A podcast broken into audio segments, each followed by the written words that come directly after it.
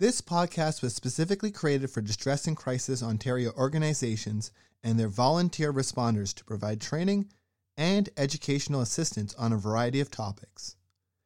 As information evolves and changes, these podcasts are meant to offer ongoing support with the goal of updating them on an ongoing basis. We thank the volunteer responders and the contributors to this podcast. Please visit our website, dcontario.org, for more information and how to access free mental health services. Thank you.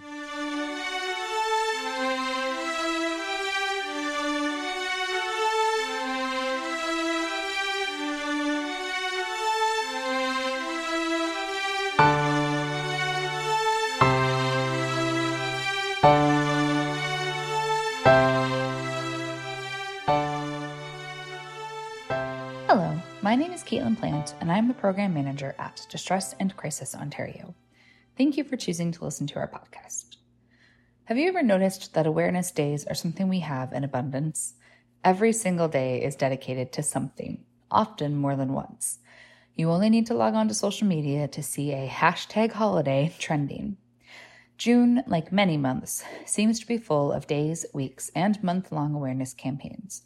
For example, June hosts Father's Day, Indigenous Peoples Day, National Cheese Day, Take Your Dog to Work Day, Spinal CSF Leak Awareness Week, Pride Month, Brain Injury Awareness Month, Men's Health Month, National Indigenous History Month, and more. So, today, in preparation to celebrate three of the awareness themes this month, we're going to explore why awareness days are important. To begin, what exactly are awareness days? Awareness days, weeks, or months are specific times for specific activities, such as a celebration, awareness booster, memorials, and other activities. Because certain days, weeks, and months can be incredibly significant for specific communities to commemorate things for them, it's great for everyone to regard them as a time of learning, acknowledgement, and celebration. Those who don't suffer from a specific health condition most likely don't give much thought to it regularly, while those who do must deal with it every day. There are innumerable diseases and conditions that most people haven't even heard of or don't understand enough to recognize symptoms or empathize with those who struggle with them. Awareness days bring light to these conditions by providing education and a platform for those living with the conditions to tell their stories. While some may regard awareness days as mere rhetoric, they are critical for making the time and place to engage in public debates and start a conversation. They are frequently the initial step in bringing about social change. While cultural change seldom occurs overnight, bringing attention to an issue regularly might help transform the culture itself. Many awareness days also align with a fundraising campaign, such as a 5K walk or a social media challenge. These efforts further encourage education and awareness through fundraiser advertising and social media campaigns, but they also work to raise funds for research and relief for those facing the topic of awareness. Awareness days and the education and fundraising associated with them build a foundation of support as well. These days build a greater sense of community for those impacted by the topic of awareness by creating a platform for them to come together and align themselves with every year. At the heart of Awareness Days is something kind and loving. Developed out of a need to shine a light on world issues, they emerged from the idea that everyone should recognize and work towards fixing holes in society. The most notable of awareness days, in the form of national and international days, have been sanctioned by governing bodies. For instance, the United Nations recognizes days such as World Wildlife Day, World Autism Awareness Day, and World Humanitarian Day. Their reasoning is thus the United Nations designates specific days, weeks, years, and decades as occasions to mark particular events or topics in order to promote, through awareness and action, the objectives of the organization. The UN states that international days are a great advocacy tool for occasions that are important to them. It provides an opportunity to educate, mobilize political will and resources, and celebrate the achievements of humanity. The themes of the days are always linked to the primary actions of the UN, for example, the maintenance of international peace and security and the protection of human rights. The thought put into these days and the importance of their topics cannot be debated. With a powerful, respected body supporting them, these occasions hold undisputed weight and value. Over the next three weeks, we'll be focusing on three specific awareness topics occurring throughout the month Pride, National Indigenous History Month, and Brain Injury Awareness Month.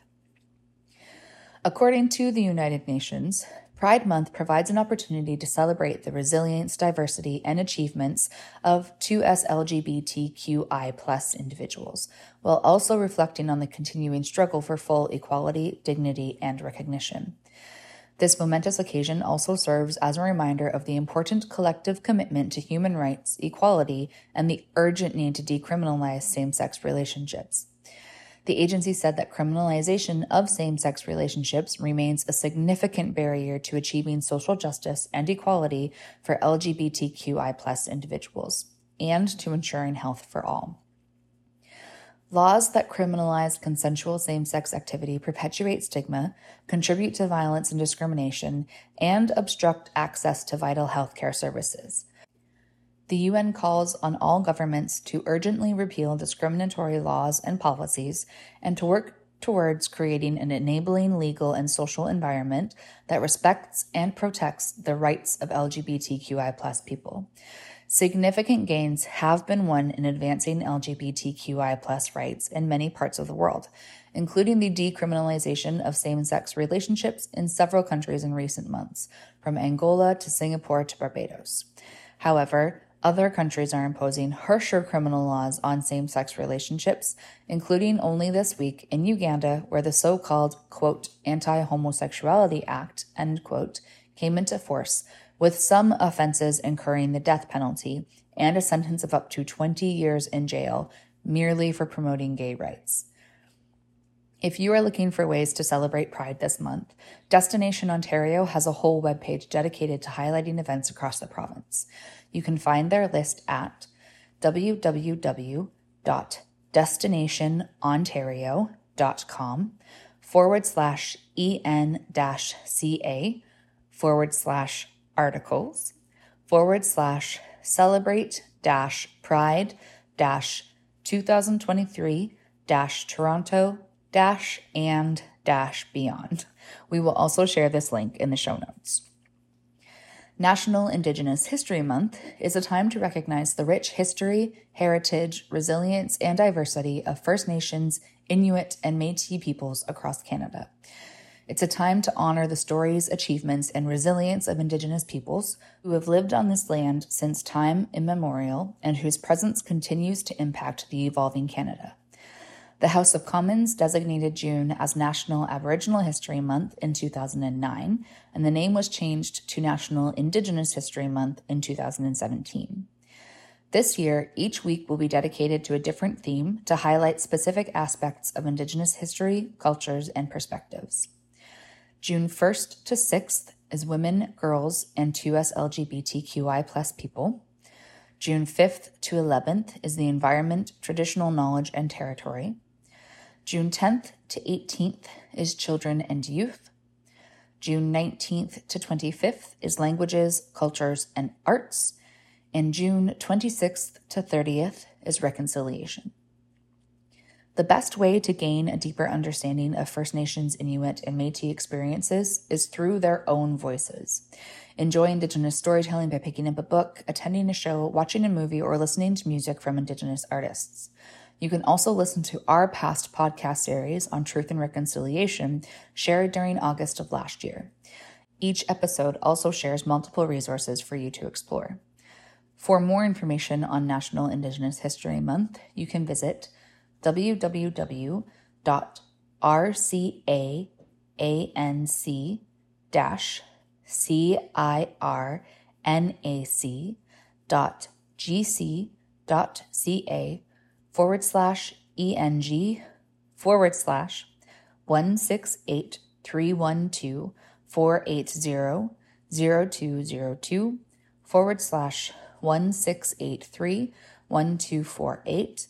46095, which will also be shared in our show notes.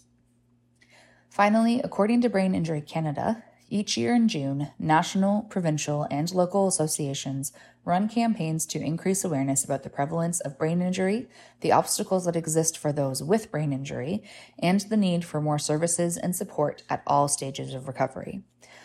The prevalence of brain injury is well established, but awareness of brain injury in the general public remains low. Lack of awareness of brain injury contributes to both personal and systemic barriers that make daily living and community interactions challenging for the over 1.5 million Canadians with brain injury, their caregivers, and their families. And these are not short term challenges.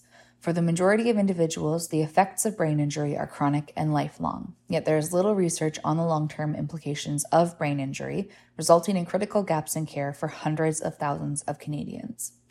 This year, Brain Injury Canada is publishing a position paper on moderate to severe traumatic brain injury, its prevalence, and how classifying it as a chronic condition will help address the lack of recognition and understanding of traumatic brain injury as a chronic health condition to ensure health systems have the data to allocate appropriate supports and resources over the lifespan.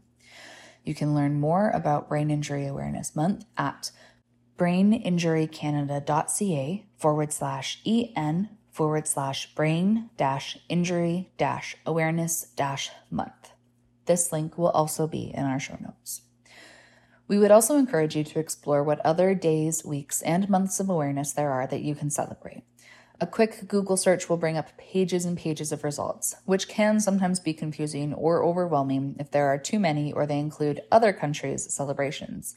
But a good place to start is wincalendar.com forward slash CA. Thank you for listening to this week's podcast. I hope you found the information shared helpful. If you have any feedback or would like to request future content, please use the link in the show notes to fill out our feedback form. We would really love to hear from you.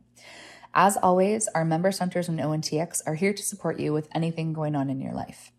You can find your nearest center, many of whom operate 24 7, by visiting our website at www.dcontario.org forward slash locations. And ONTX's online chat feature can be accessed from any page of our website by using the Looking for Support sidebar.